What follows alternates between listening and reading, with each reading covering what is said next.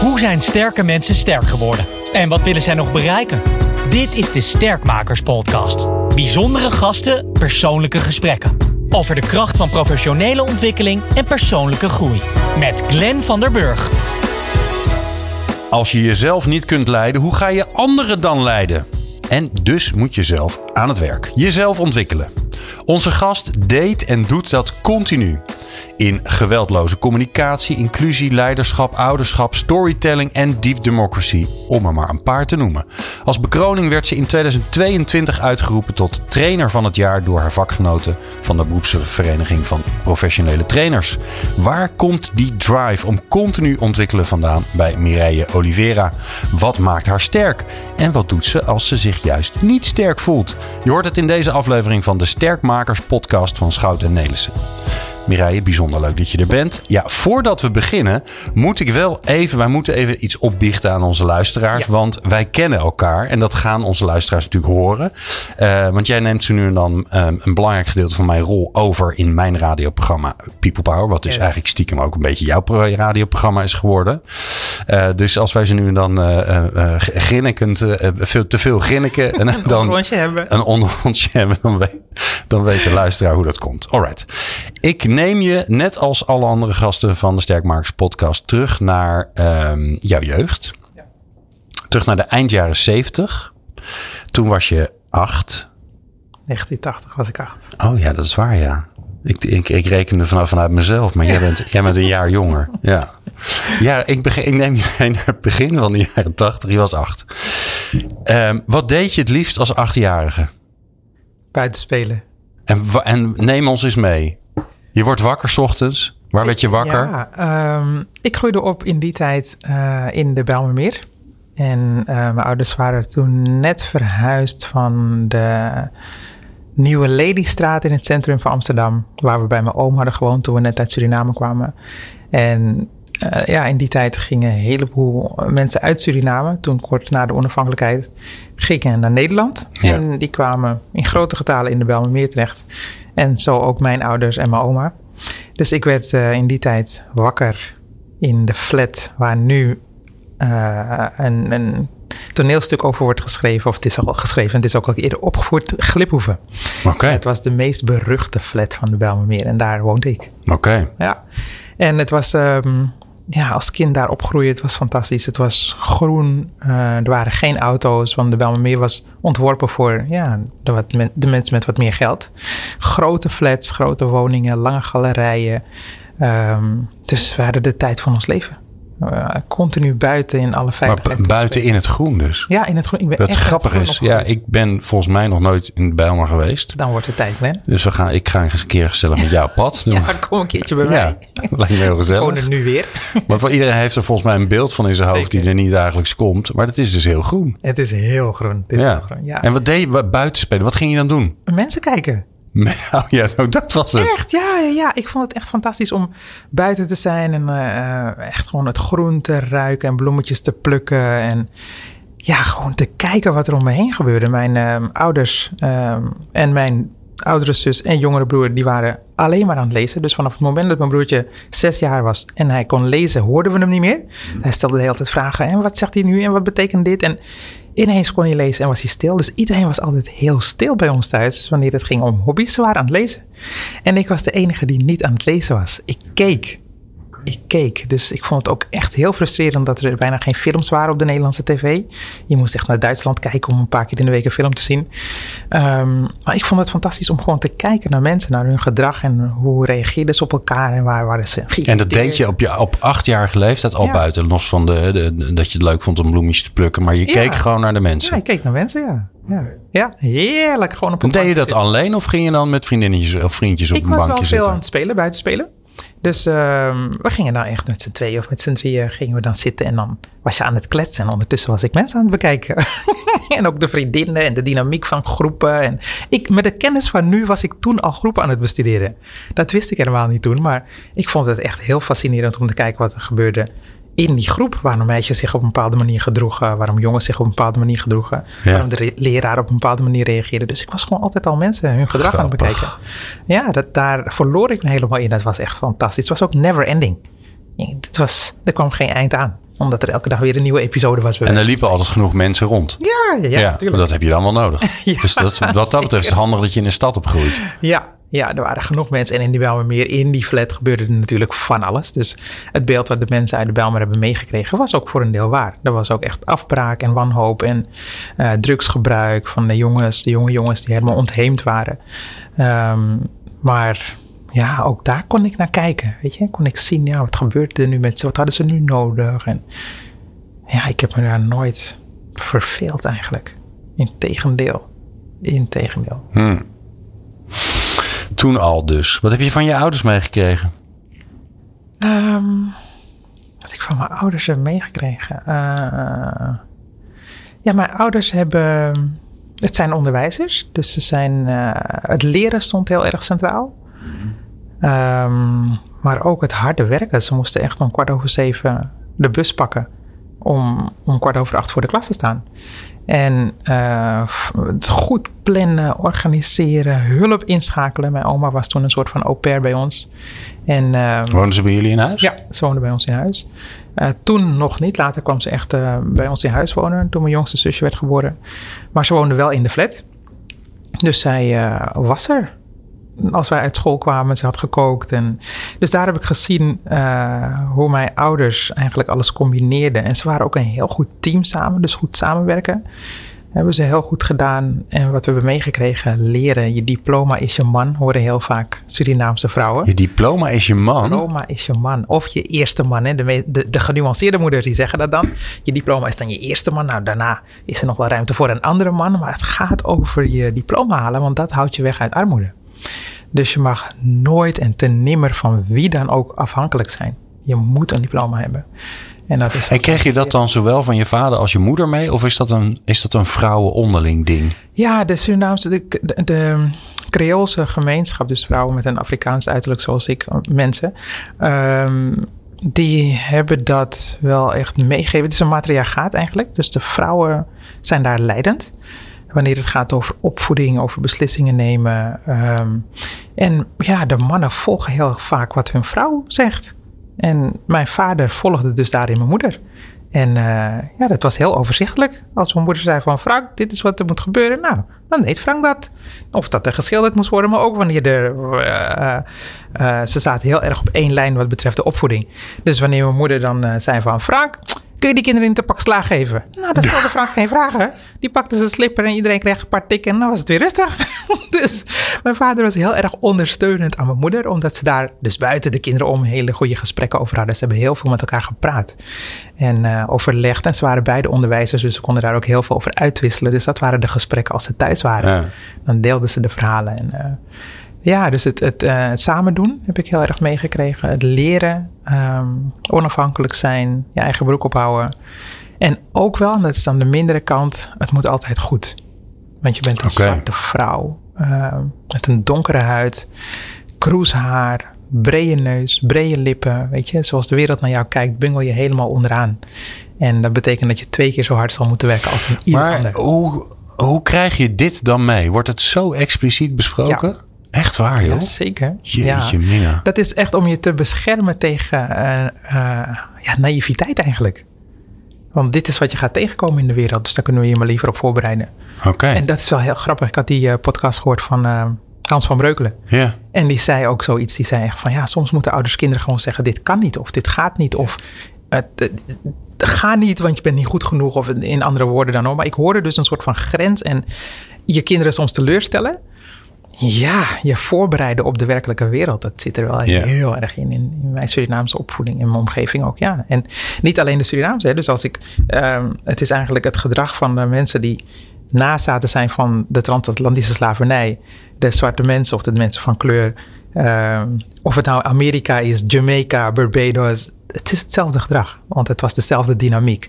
Dus daar hoor je ook de opvoeding. Dus wij kunnen ook gewoon als vrouwen van kleur echt helemaal in de deuk liggen om Amerikaanse filmpjes of zo. Terwijl we geen Amerikaanse vrouwen zijn, maar het is hetzelfde gedrag. Het is vergelijkbaar. ja, gewoon. volledig. Het lijkt op elkaar. Ja, heel erg, heel erg. Dat is dezelfde dynamiek.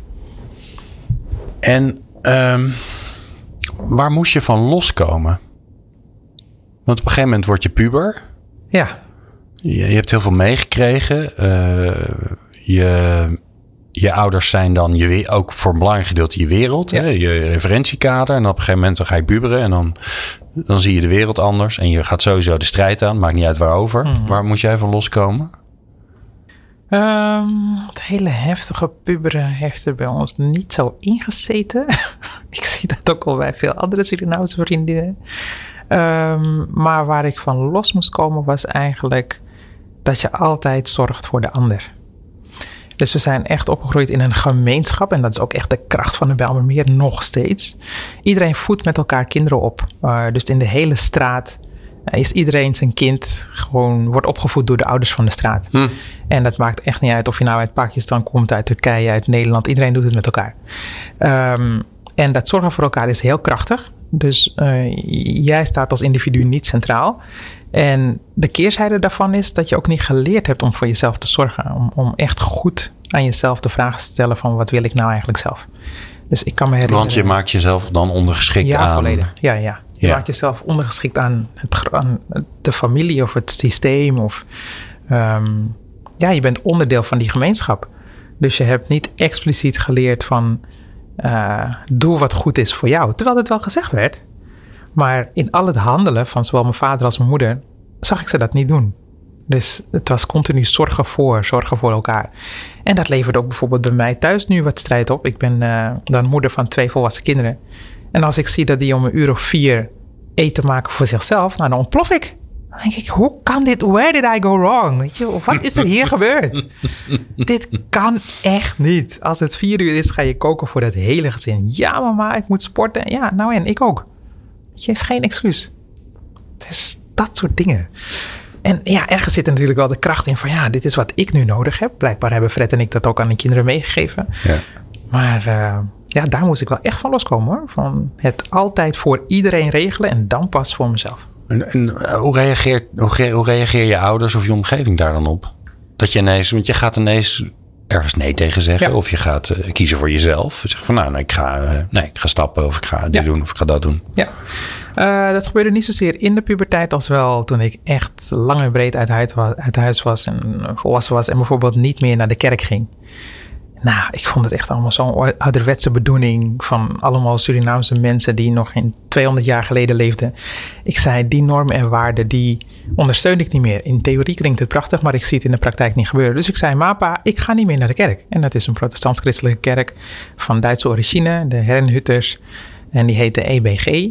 Um, maar ik wou niet meer gaan.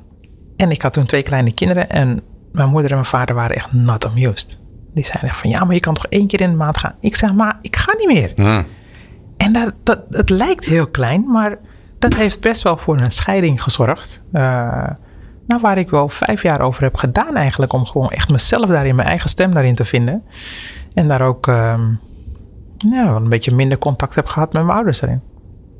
Ja, want die hebben dan waarschijnlijk wat, ook wat uit te leggen in hun gemeenschap. Want die krijgen waarschijnlijk regelmatig de vraag, of denken in ieder geval dat ze de vraag nou, krijgen: van joh, uh, waar is je dochter? Ik denk het. En misschien wordt de vraag niet eens gesteld. Nee, dat, dat, dat verwacht ja. ik dus eigenlijk, dat de vraag niet gesteld wordt. Maar omdat ze zo gericht zijn op het collectief.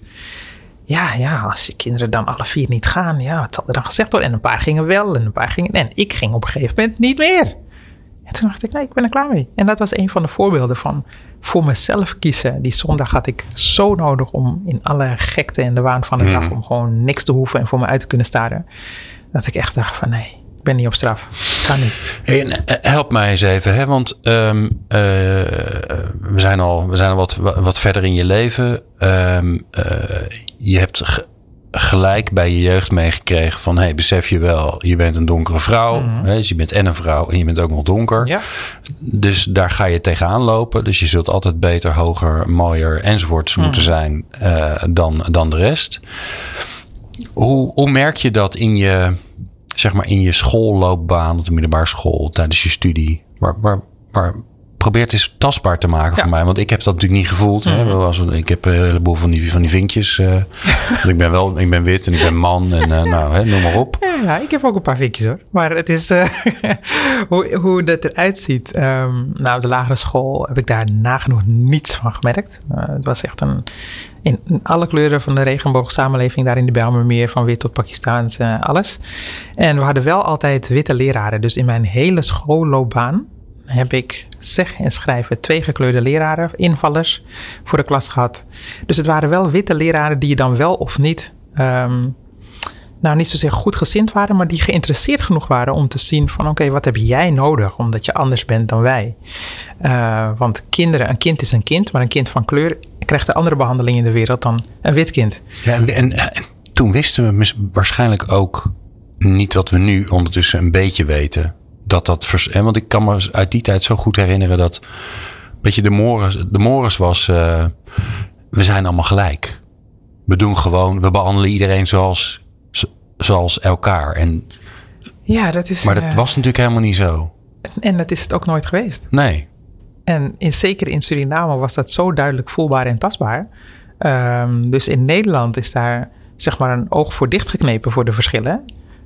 Maar in Suriname, in de gemeenschap waar wij uitkomen, is het heel erg duidelijk dat als je kleur één tint lichter is, nog steeds vanuit die koloniale maatschappij, dat je het beter hebt of dat je meer kansen hebt of zo. Dus dat, was, dat zat zo in ons systeem, zelfs in families. Dus wanneer mensen zeggen, ja, de slavernij, dat is lang geleden, is het ook. En tegelijkertijd ook weer niet. Het is twee omaatjes terug, bij wijze van spreken.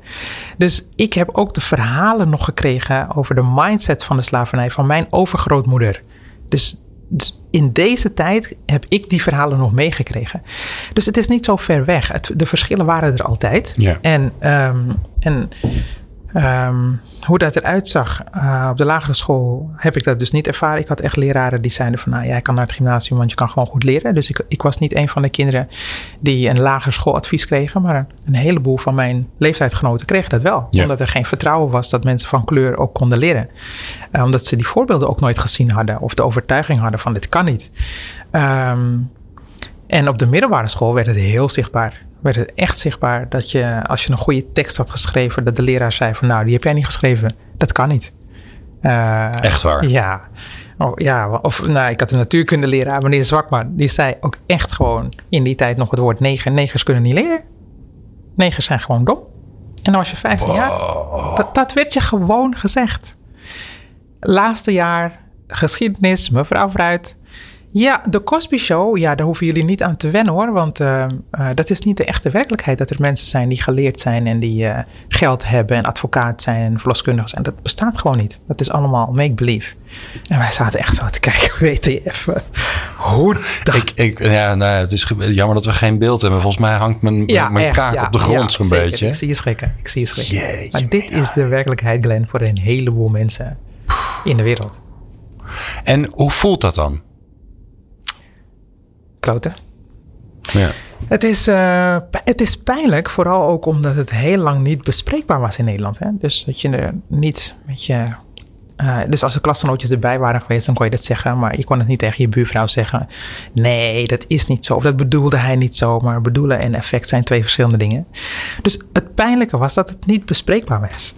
Omdat er een soort collectieve afspraak is. Wij in Nederland wordt er niet gediscrimineerd. Ja. Terwijl dat toch natuurlijk gewoon onzin is. Ja, zelfs als je van de stad en het platteland bent, dan ervaar je het verschil. Oh ja. Dus er is ontzettend veel verschil. En ik, ik denk dat, het, en dit is ook de reden waarom ik dit werk ben gaan doen. Het, het, het, wordt tijd dat we die verschillen eens gaan zien. En ze niet meer wegmoffelen en gladstrijken. Ja. En gewoon de impact van die verschillen ook kunnen zien. Maar ook de hm. talenten en de ervaringen en de verhalen kunnen delen. Maar blijkbaar heeft het, is het voor jou ook een soort van brandstof geweest. Ben je, ben je er ja, heb je er een emotie bij gehad waardoor je er strijdbaar van bent geworden of zo? Uh, of hoe zou je het zelf noemen? Want ik ben het nu aan het invullen. Ja, ik zit even te kijken. Luister even naar wat je zegt, want ik denk wel dat het waar is. Um, en dat strijdbare, dat heb ik, sinds ik me kan herinneren, heb ik het gevoel van, joh, uh, het klopt niet en daar moet ik iets aan doen. Ik geloof dat ik zes jaar was toen ik voor het eerst het besef had. Ja. Van, dit klopt niet en het mag niet zo blijven.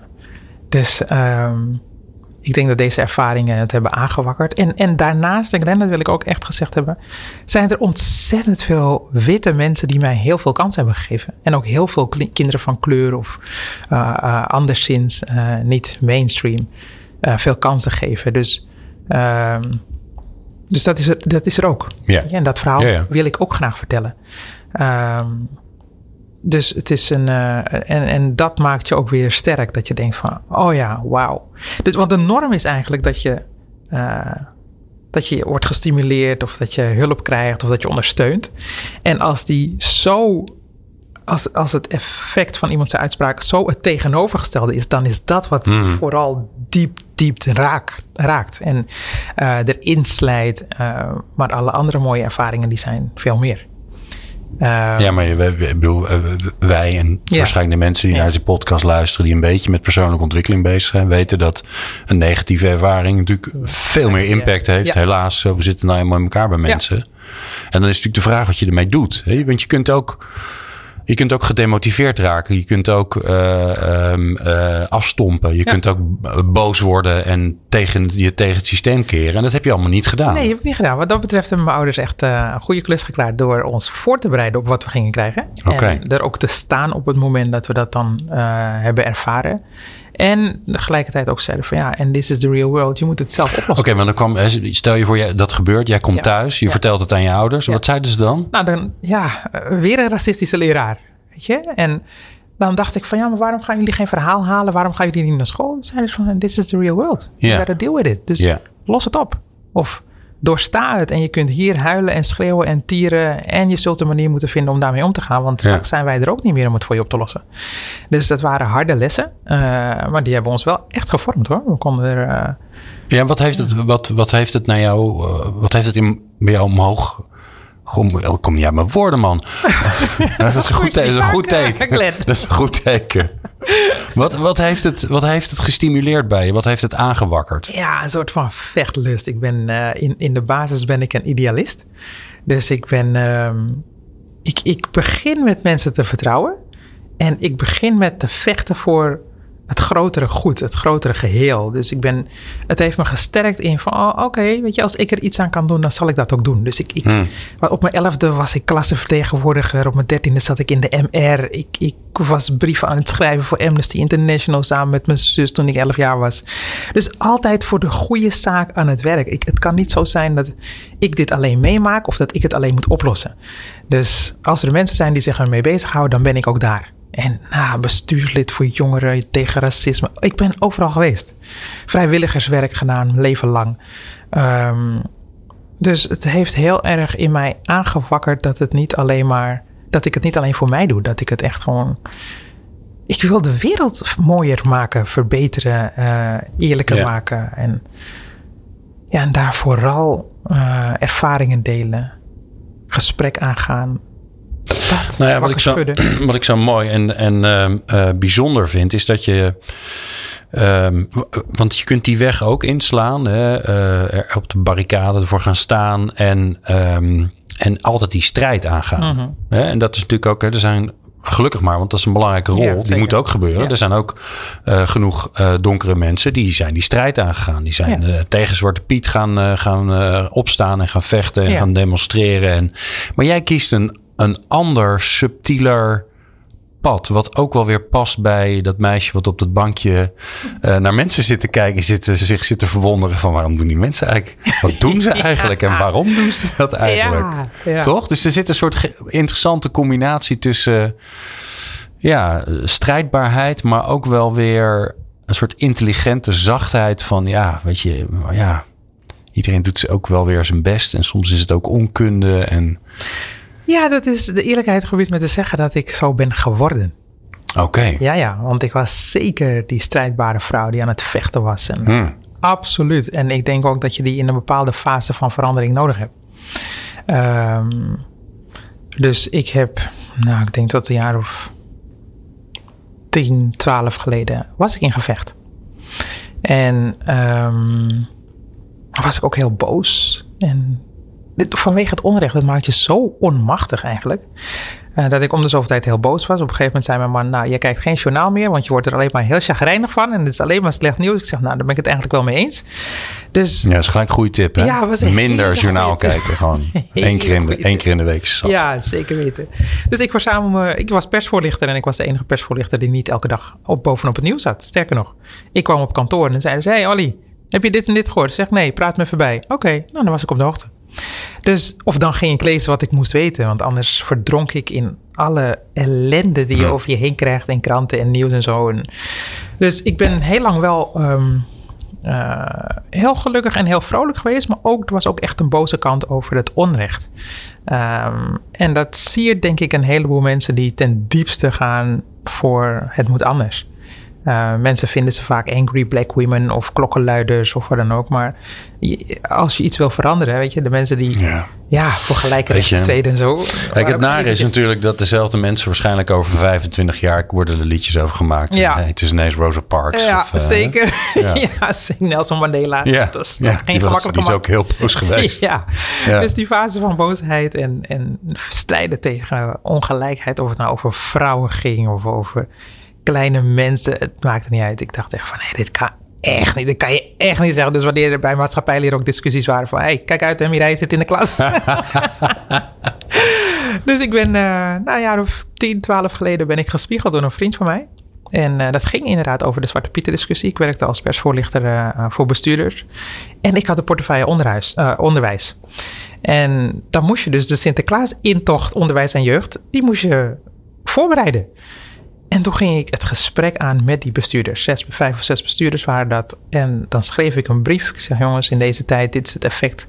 Uh, dit kan echt niet meer. En uh, uh, je geschiedenis? Want er wonen best wel veel donkere mensen hier in Amsterdam. En ik spreek niet voor iedereen, maar deze stem moet ook gehoord worden. Nou. En op een gegeven moment zei die man, die dus later mijn beste vriend werd, die zei ook van, weet je Mireille, je hebt misschien wel gelijk, maar je bent zo boos en er is zoveel verdriet dat ik jou niet meer kan horen. Hmm. Ik zei, nou, dat zal lekker worden. Ik zei, omdat het waar is, kan je het niet horen. Hij zei, ja, het is niet eerlijk, maar dit is wel wat er met mij gebeurt. Ik ben bankier, ik zit bovenop die apenrots. Ik hoef het niet te horen, ik kan gewoon mijn oren ervoor sluiten en zeggen van, nou, ik heb er geen zin in, bye. Dus hij zei, als je gehoord wilt worden, zul je een andere toon moeten aanslaan. En het is niet eerlijk, en dat is wel wat je zou moeten doen. Dat is wel dapper om te zeggen. Serieus, serieus. en hij zei ook, het is dat ik zoveel van jou dus dat kennen van elkaar, dat was key. En dat is ook voor mij een hele wijze les geweest, ook in de inclusietrainingen. Hoe goed kennen we elkaar eigenlijk voordat we iets kunnen zeggen? En dat leerde hij mij. En toen ben ik op een andere manier met die bestuurders gaan praten. Ik ben gaan vertellen wat het met mij gedaan had om kind te zijn en heen en weer geslingerd te worden tussen en cadeautjes en snoep en spanning en op schoot bij de Sint en surprises en uitgelachen worden, je karikatuur continu zien, voor dom worden uitgemaakt, uitgescholden worden op straat. Zodra de intocht begon, kregen een heleboel mensen, in ieder geval in mijn familie, buikpijn van oh, het begint weer. En um, toen ik dat ging vertellen, van hoe het voor mij was om als zwart kind Zwarte Piet te zien, toen gingen ze me horen. En ik krijg nu nog, hè, uh, nou, vorige, uh, vorig jaar kreeg ik van uh, nu de burgemeester van Harderwijk. Mireille, dank je wel dat je dit gesprek in 2009 met mij hebt geopend. Of in 2010. Of van die verschillende bestuurders krijg ik dat nog te horen. Van toen snapte ik je niet, maar toen je het ging uitleggen en zeggen wat het met jou deed. Toen kon ik je horen. Dus dat was een gouden tip van die vriend van me. Mooi. All right. Ik, um, ik neem je mee naar het nu. Ja. Je hebt uh, nogal wat geleerd in je leven. Zeker. Ja, ondanks dat je nog hartstikke jong bent. Uh, ja, de luisteraars ja, Ze nu dan even een slijmbad. Nou ja, als, als ze goed kunnen rekenen. Oh ja, ja, wel. Dat is gehoord, ja. Wanneer voel jij je sterk? Neem ons eens mee naar een moment in jouw werkende leven. Wat ben je aan het doen uh, als jij je sterk voelt? Oh, wat een mooie vraag. Um, ja, ik werk dus met groepen. Um, ja, en de één op één coaching uh, doe ik nu steeds minder, omdat ik zie dat ik grote, grotere impact heb op groepen. groepen. Uh, en dat is wat ik heel fijn vind eigenlijk. Dus ik voel me sterk als ik impact, als ik het verschil kan maken. Als ik dus iets kan achterlaten waardoor mensen echt denken van wauw. Uh, zo heb ik er nog nooit naar gekeken. Of hier word ik echt geëmotioneerd door. Of hier word ik misschien wel heel boos over. Dan denk ik ook van ja, oké, dan gebeurt er wat. Dus als er ergens beweging ontstaat, ehm, dan voel ik me sterk.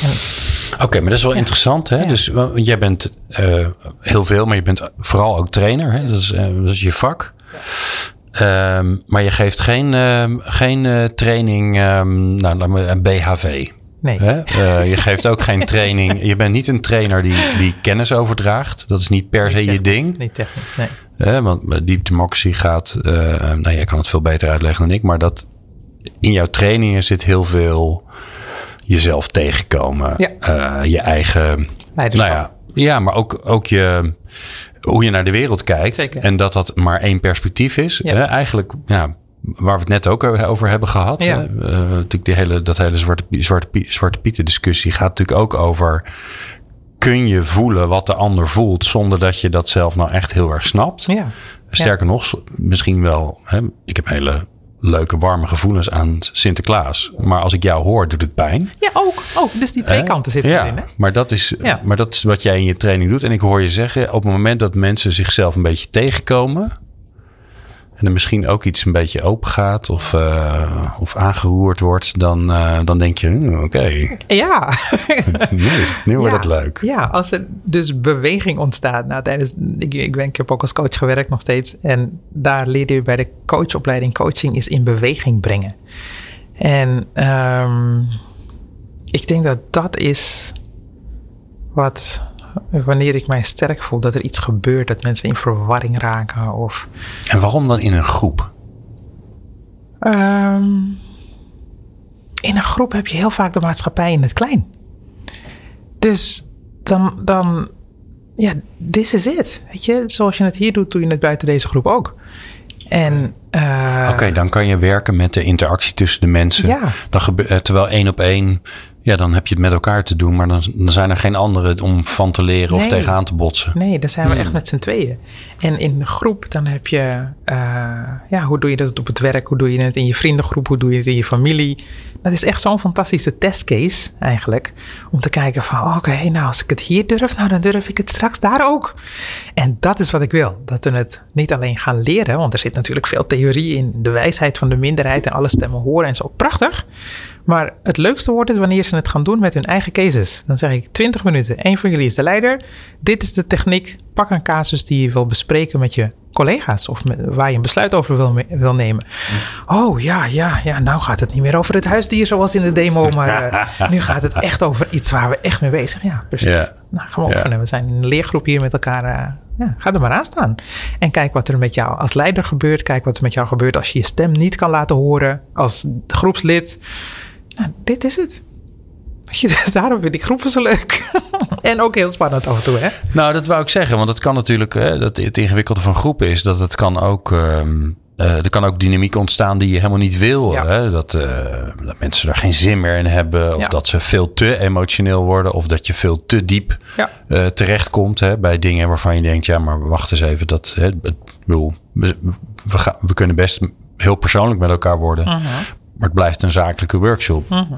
Hoe, hoe ga je daar dan mee om? Nou, ik breng heel vaak mezelf in. Dus Oké. ik breng mijn eigen blunders in. Daar waar ik de mist in ging. Daar waar ik het anders had moeten doen. Dus ik breng heel, heel vaak mezelf als mens met mijn eigen ervaringen in. En daarin laat ik ook steeds mijn eigen kwetsbaarheid zien. Ehm, die ik ergens ook weer omzet in kracht. Dus ik, zei, ik zeg heel vaak van, nou, dit is wat ik gedaan heb. Dit is hoe het effect was op de groep. Dus, en dan koppel ik hem weer aan de theorie. Don't try this at home. Weet je? Dus doe dit niet. Sla het over. Pas de theorie toe. Ik ben er zelf ook mee aan het oefenen. En ik probeer niet de perfecte trainer te zijn eigenlijk. Ik, eh, ik zeg ook steeds van ja, ontsla jezelf van perfectie. En dat doe ik ook. Dat zien ze me ook echt doen. Dus ze zien me ook fouten maken. En dan me laten corrigeren door de groep. En dan koppel ik dat weer aan de theorie. En dan, dus ik probeer gewoon zoveel mogelijk mens te zijn in die training. Ehm, en ja, dat maakt het heel. Waarom gaan ze met, waarom gaan ze, want dat is het gekke, vind ik. Ik doe, ik heb, doe het zelf ook wel eens. Ik bedoel, het is niet mijn vak zoals het jouw vak is, maar ik vind het leuk om met groepen dingen te doen. Ehm, ik denk dat mijn rol anders is. Ik ben meer een soort gangmaker en eh, ik zorg dat het leuk is en daardoor komen mensen in beweging. Hè? Dat, dat is wat ik Ja. kan. Ehm, Maar uh, ik ben totaal kwijt wat ik wilde vragen aan je. ik moet ook niet over mezelf praten. Die hadden we mensen voor gewaarschuwd. Uh, uh, nee, maar wat, wat maakt dan dat, dat die groep dat die met jou meegaat? Want je, moet, het is een soort rare combi van toch leider, leiderschap tonen, maar ook weer niet. Ja, ja. Ik, ik zeg steeds, ik ben teacher en leerling tegelijk. Dus ik kom jullie iets vertellen over de theorie. En tegelijkertijd leer ik continu met jullie mee.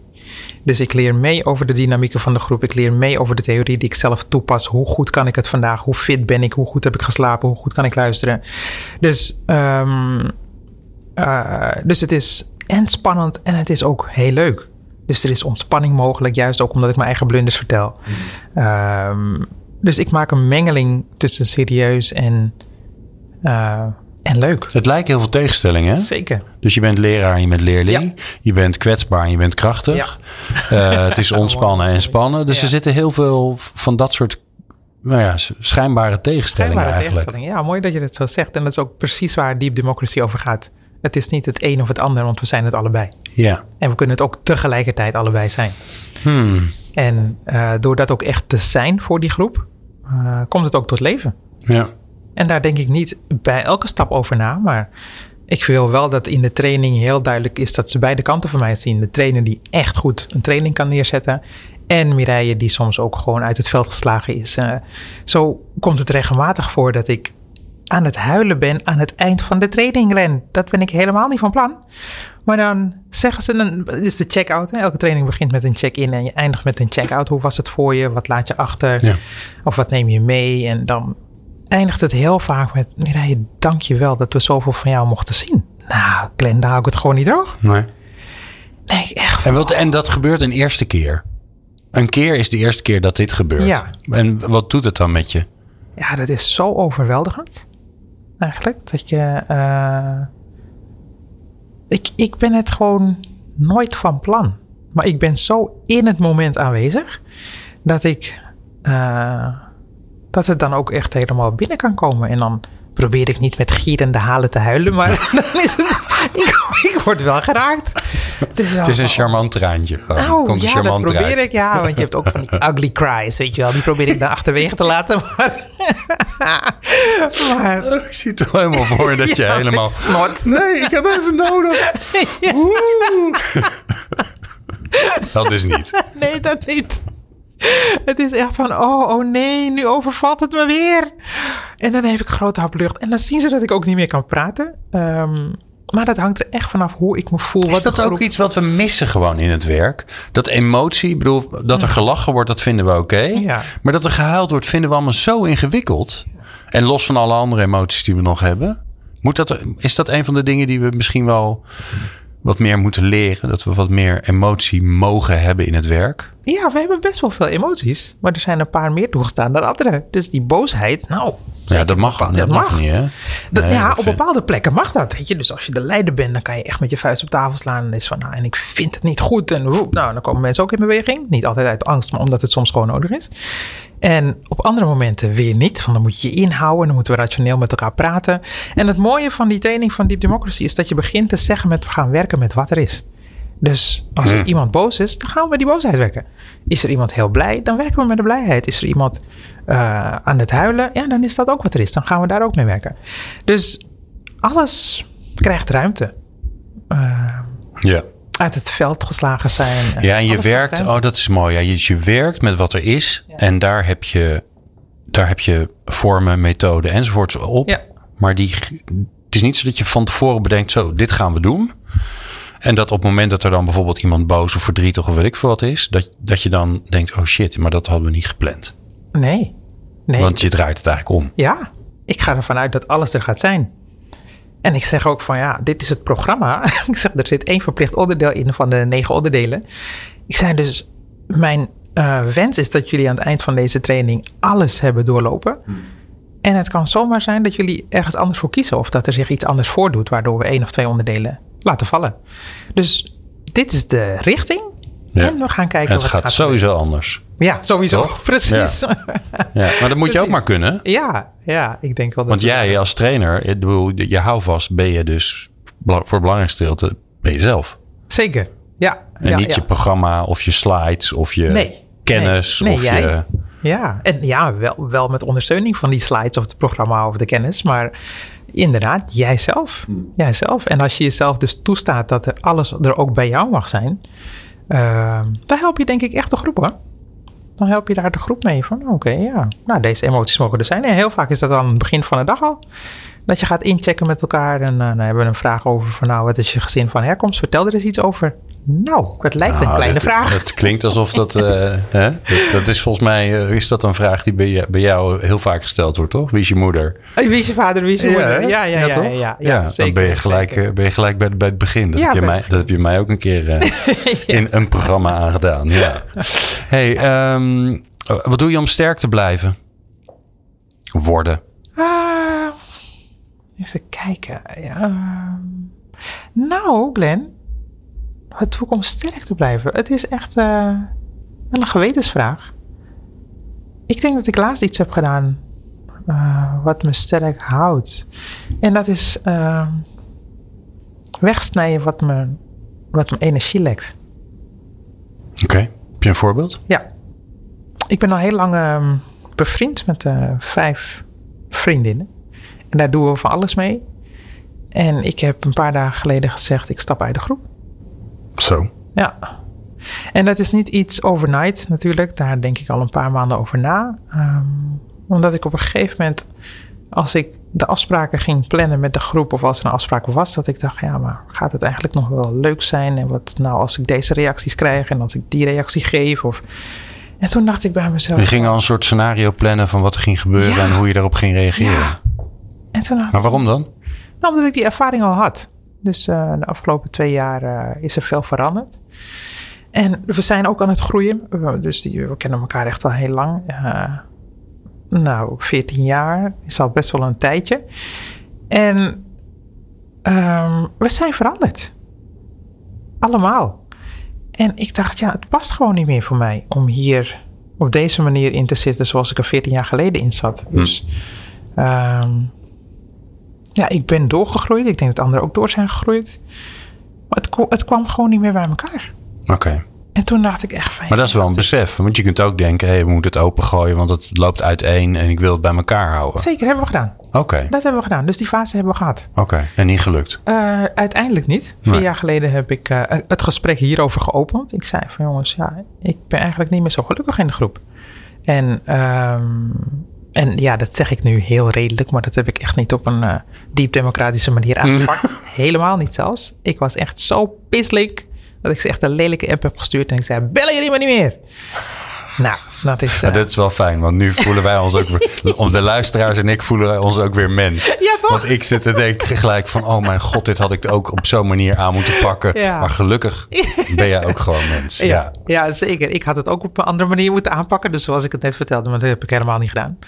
Dus ehm, in de reflectie daarop was het echt van... Ja, oké, Mireille, weet je, we willen echt wel in gesprek met elkaar. Want we hebben hier allemaal een aandeel in. Maar sluit ons de volgende keer nooit meer zo uit. Weet je, dit Ja. mag je nooit meer zo doen. Ik zei, nee, daar hebben jullie echt gelijk in. Dus toen hebben we het opnieuw opgepakt. Ging op zich goed.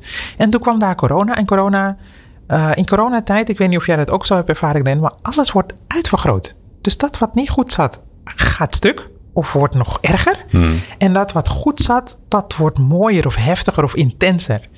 En zoals ik er naar kijk, zijn we toen extra uit elkaar gegroeid. Want je bent gewoon zes verschillende vrouwen met allemaal. En ik was ook echt letterlijk in ontwikkeling met mijn opleidingen. En deze vrouwen ook allemaal hoor. Ehm, maar het ging gewoon niet goed meer. We konden elkaar niet meer goed horen. We konden elkaar, we spraken elkaar ook te weinig. Zagen elkaar te weinig. En het is niet meer gelukt. Dus toen heb ik een paar dagen geleden het besluit genomen, ook echt aan mijn kinderen, want onze kinderen kennen elkaar, eh, Wow. kennen elkaar, de mannen kennen elkaar. Ik heb het echt in het hele gezin eh, besproken. Ik zeg van, ja, ik, ik stap eruit. En toen heb ik dat ook gecommuniceerd. Ik heb een bericht ingesproken, omdat we niet alle mensen tegelijk bij elkaar zouden kunnen krijgen op korte termijn. En daar heb ik echt goed gekeken, wat werkt voor mij?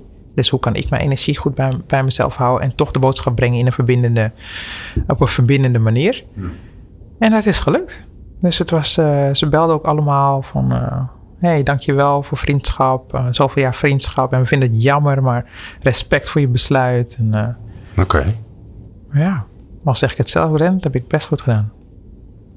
Heftig, ook Echt heftig. Heel heftig, ja. Ja. ja. echt heel heftig. En ik, heb, ik dacht nog van, oh, wat gaat er nu gebeuren? Word ik ziek of krijg ik griep? Ja, dat is natuurlijk de vraag, hè? Hoe je daar, want je, je leeft daar naartoe en dan, Ja. dan, en dan krijg je de reactie dat ze eigenlijk best wel veel begrip hebben. Een waardering, dat is fijn. Ja, En dan, ja, wat komt daar daarna dan? geen idee. Oh, Dus maar daar zit je nu in. Ja, daar zit ik nu in. Ja, ja. Het is twee dagen terug. Het niet weten is ook een onderdeel van ons leven. Dat je het gewoon allemaal niet weet en dat je risico neemt op succes. Hm. Eh, en eh, dat het dus zo goed mogelijk het hoogst haalbare, niet het ideale of het perfecte besluit of het, de perfecte manier. Want die is er niet. Op het perfecte moment was er ook niet. Ehm, maar ja, dus, dus me losmaken van wat me energie kost. Dit was zo'n actie. Ja, Ja, prachtig voorbeeld. En heel mooi dat je het wil delen ook. ja, Want het is nogal wat. ja, zeker. Dank je. Nou, om het feest compleet te maken, eh, neem ik je mee naar je tachtigste verjaardag. Wat leuk al die feestjes. Ik ben net een maand Ja joh, nee daarom. Ik, heb- ik, vier, ik, vier, ik vier allemaal virtuele feestjes. ja, ehm, je familie, je vrienden, je bekenden, je, iedereen die je dierbaar is, die is, die is er allemaal. En ehm, ja, ik weet helemaal niet of dat eh, bij jou in de omgeving eh, eh, gemeengoed is, maar er wordt tegen je gesproken. Er wordt gespeecht Ja, eh, ehm, over jou, over wat je voor mensen betekend hebt in hun leven. Privé, maar ook op het werk. Wat zeggen ze? Wat hoop je dat ze zeggen? wauw. Wat hoop ik dat ze zeggen? Ik hoop dat ze zeggen... ehm Mirai, je zag mij echt. Ja. En leg dat eens uit, want ik heb er gelijk een beeld bij, maar wat bedoel je daarmee? Ehm, ik denk dat een van mijn kwaliteiten is dat ik mensen daadwerkelijk kan zien of kan horen. Dat ik ehm, met aandacht echt bij een persoon kan zijn. Ehm, en me kan verbinden met wat er in die persoon omgaat. Juist doordat we gewoon allemaal mensen zijn en dezelfde behoeftes hebben aan, aan warmte en liefde en erkenning en gehoord. Hmm. En, en omdat ik dat ook op een heleboel terreinen zelf niet heb gehad. ehm, denk ik dat ik door mijn eigen verhalen te delen echt, echt mensen eh, een voorbeeld kan geven van je bent niet alleen. En eh, I see you. En Glenn, echt dat, die, die, dat zinnetje, ik zie jou, Gek hè, wat het is. echt bizar. Echt zo, zo'n impact. Ik had het laatst, ik had een nieuwe jurk aan. En ik had het nieuw Nou moeten we even tegen de luisteraars zeggen, want eh, jij komt ook natuurlijk regelmatig bij ons bij, op de, eh, naar de studio. Ja. Hè, om dan, eh, en dan zie je er altijd fantastisch uit. Oh, echt? Ja, nou, en wat, nou ik, ik bedoel, ik zie dat. Dat is een van de dingen die ik dan altijd zie. Ik zie altijd als mensen naar de kapper zijn geweest of iets nieuws aan hebben. Ehm, maar de, zeker de, de dames die bij ons werken, die, eh, die kijken echt even om de hoek en die, zeggen, die zie je echt zo, zo in stem klikken van wauw, oké, wauw, ga- ja, je hebt zo'n groen pak. Nou, dat vinden ze helemaal fantastisch. ja, echt een, echt een, maar niet een beetje lafgroen, maar gewoon bamgroen.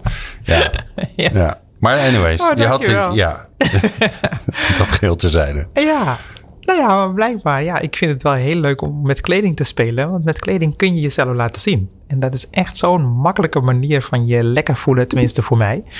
Ehm, maar ik, ik had dus laatst dus een nieuwe jurk aan, echt een geweldige jurk. En ik, we waren naar een concert gegaan van eh Typhoon, je naamgenoot. Cool, ja. En daar stond er een jongen bij de balie. En die zei nou, en ik- we waren helemaal niet met hem in gesprek. We waren met een, een meisje achter de kassa in gesprek. En hij leunt zo schuin naar voren en hij zegt: ik, eh, ik mag me hier helemaal niet mee bemoeien, maar ik ga nu iets zeggen. Meneer, complimenten voor uw vrouw en de fantastische outfit. Glenn, ik dacht echt gewoon, wat?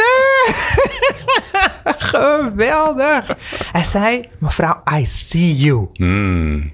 En die woorden, ik dacht echt van wauw, deze keer laat mijn zoon kunnen zijn, Glenn. Serieus. Dus het was helemaal niet iets seksueels of zo. Het was erkenning van Ja. ik zie jou. Waardering. Waardering. Ja. ja. Het was zo fantastisch. Dus ik, ik, ik En zo simpel is het ook, hè? echt, Toch? Ja.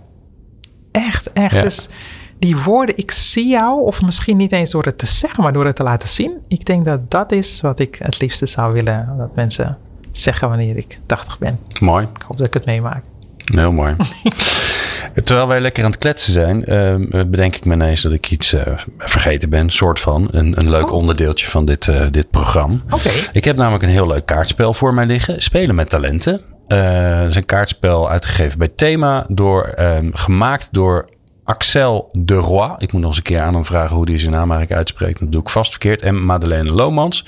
En dat zijn allemaal leuke kaarten. Ik heb een aantal eruit gehaald die uh, een aantal categorieën eruit gehaald die voor jou uh, uh, nuttig zijn. Dus we hebben de blauwe, dat zijn de waarden. De groene, dat zijn de talenten. En de, wat is het oranje, zijn de doelen. Oké. Waar, waar heb je zin in? Je mag kiezen. Welk kleurtje? Waarde, nou, kies ik eruit. Waarde, doelen of talenten? Uh, doelen. Oké. Oh, grappig. Ja, dat vind ik leuk. Ik heb er gewoon één uitgepakt. Op het moment dat je in de lift stapt. Jij gaat natuurlijk altijd met de trap, maar in dit geval zit je toevallig in de lift. Zie je daar je ideale werkgever slash opdrachtgever staan. Wie is dat? Dat is vraag 1. En de tweede vraag is, hoe luidt je elevator pitch? Die vind ik minder belangrijk. Laten we eerst maar eens even vragen, wie is dat? Uh, mijn ideale werkgever, dat is iemand. Of opdrachtgever. Hè? Of, je, ja. of opdrachtgever. Ja, mag ook. Ja. Uh, ja, dat kan allebei. Opdrachtgever dan wel werkgever. Dat is iemand die mij vertrouwt. Oké. Okay. Ja. En het maakt niet uit wie of wat. Je hebt niet een soort droomklant die zegt: Oh, als ik daar nog een keer voor mag werken. Voor Unilever nee. of voor uh, de bakker op de hoek. Of nee. dat maakt je allemaal geen niks uit. Um, ja, misschien denk ik dan nog te klein, uh, Glenn. Maar nee, nee, nee. ik, ik, ik wil werken met mensen en het boeit me echt Nee, en er werken overal mensen. Ja, ja. het maakt me echt niks uit. Nee, dat maakt me echt niks uit. Want of je nou aan het hoofd van Unilever of van Virgin Records... Of, je bent gewoon mens. En daarom wil ik met je werken. Oké. Okay. En je hebt iemand nodig die je vertrouwt. Ja, die dus zegt van... hé hey Mireille, ik wil jou omdat ik geloof dat jij dit kan. Of omdat ik weet dat jij dit kan. En dan zeg ik, oké, wat zou je willen? Hoe moet het eruit zien uh, hmm. aan het eind? En ja, heb ik de ruimte om dit en dit te doen? Ja. Dus die wel kaders geeft, maar die mij gewoon vertrouwt in hoe ik dat invul. Heel dat goed. Is... En ik zou zeggen, als die vraagt om een elevator pitch, dan moet je het niet doen. Nee. Want blijkbaar is er dan geen vertrouwen, toch? Ja, ik vind dat weer zo'n ding van tegenwoordig. Ja, ik doe dat ook nooit. Waar. Ik geef nooit een elevator pitch. Nee, eigenlijk ook niet. Nee, hè? Nee. nee mensen bellen ons. ja, privilege. niet waar, niet waar. Alright. Um, nou, dat was een leuk intermezzo. Um, wat gaan we nog doen? Ik zit even te denken. Ja, die ga ik toch nog even stemmen. Die vind ik wel leuk. Uh -huh. Je bent nu, even kijken, uh, 51. Net geworden. 50. 50 net geworden. Ja, ik ben 51. Ik moet de hele tijd één erbij optellen bij mezelf. Want jij bent de dertiende jaar en ik ben de negende jaar. Dus we zitten ook nog eens oh, vlak bij elkaar. Ja. Oeh, nou was toch ja, dus we hebben heel veel dezelfde dingen gewoon. Ja, oh. Uh, behalve dat ik een jaar ouder ben en er veel ouder uitzie. Maar dat geheel terzijde. Welk advies zou, zou jij... Uh, stel je voor dat je jezelf mag adviseren als 20-jarige zelf. Ja. Wat, wat voor advies zou je jezelf geven? Oh, um, ja, als je, uh, als je het altijd goed hebt willen doen, dus als dat je valkuil is, goed is goed genoeg. Hmm. Dus ontspan, ontspan een beetje. Uh, ja, af en toe hoor ik mezelf ook echt zeggen: verwarm jezelf. Weet je, in plaats van dat je telkens je armen om anderen heen slaat en resultaten wil boeken en de boel bij elkaar wil houden. Verwarm jezelf, sla die armen om jezelf heen. En zeg Je bent goed. Ja, Je bent goed. Het is goed wat je doet. ja, het is prima. Ja. En het is niet perfect. En dat hoeft ook helemaal niet. Nee. Dus je mag fouten maken. En ja, ja ver- verwarm jezelf. Omarm jezelf. Het is oké. neem af en toe een beetje rust. Zeg wat vaker nee. Hm. Ehm, ja, dat. Mooi. Prima. oké. Ja. Ja. Laatste vraag.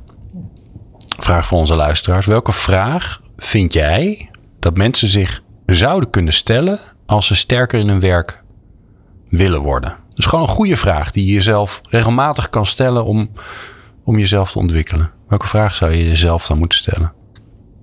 Eh, om jezelf te ontwikkelen. Ja, dat, ehm, dat klinkt misschien heel gek, maar ik zou eigenlijk een stapje terug willen gaan en Mhm. de vraag stellen van, ah, wat, wat, wat maakt jou de moeite waard? Dus wat, uh, waarom zouden mensen jou willen kennen? Waarom zouden ze met jou willen hangen of met jou willen werken? Hmm. Dus waar, wie, wie ben je? Wat vind je van jezelf? Dus hoe, uh, ja, waarom ben je de moeite waard? Want je bent gewoon de moeite waard. misschien heeft niemand dat tegen, tegen je gezegd of te weinig, of zeg je dat te weinig tegen jezelf. Dus, en als je dat kan benoemen, als je dat überhaupt durft te benoemen, is dat denk ik al zo'n goede stap naar ontwikkeling. Want dan weet je van oké, dit is wat ik waard ben. En hm. dat je dan ook de rust vindt om te kunnen zeggen en dit is wat ik nog wil leren. Ja, dus dat je eerst ah, bij jezelf begint. Eerst maar eens even de waardering van wat je allemaal hebt en bent. Ja, wat je hebt neergezet en gefixt en overwonnen. En ja, wat je allemaal... Dat je er überhaupt nog bent. Ondanks alles. Dat is hartstikke goed. Ja, ja toch? Dat is hartstikke goed. Ja, mooi. Nou, ik vind het mooi dat we eindigen met een soort compassie voor jezelf. Van, uh, je hoeft niet zo streng. Ontwikkelen gaat ook vaak zo over een soort van streng zijn voor jezelf. Dat hoeft helemaal niet. Nou ja, vaak niet. Laat ik het zo zeggen. Je hebt ook lapsvans in de wereld. ik, ik mag wel eens wat strenger zijn voor mezelf. Maar, uh, maar heel veel mensen niet. Mireille, Olivier, ik vond het fantastisch om met je te praten. Superleuk. Oh. Uh, ja, het gekke is dat op het moment dat je gaat interviewen... dat er toch weer hele andere gesprekken plaatsvinden... als dat je gewoon maar een gesprek met, met elkaar. Dus ik dank jou zeer uh, voor het mooie gesprek. Voor je openheid. Uh, mooie verhalen. En, en ik dank jullie natuurlijk voor het luisteren. Bedankt voor het luisteren naar de Sterkmakers podcast. Hopelijk heb je er nieuwe energie van gekregen. Maar echt sterker word je door er iets mee te doen. Dus waar wacht je op? Aan de slag! Meer podcasts vind je op jouw favoriete podcast-app door te zoeken op de Sterkmakers Podcast. Bezoek ook onze website sn.nl/podcast voor alle informatie over de Sterkmakers Podcast.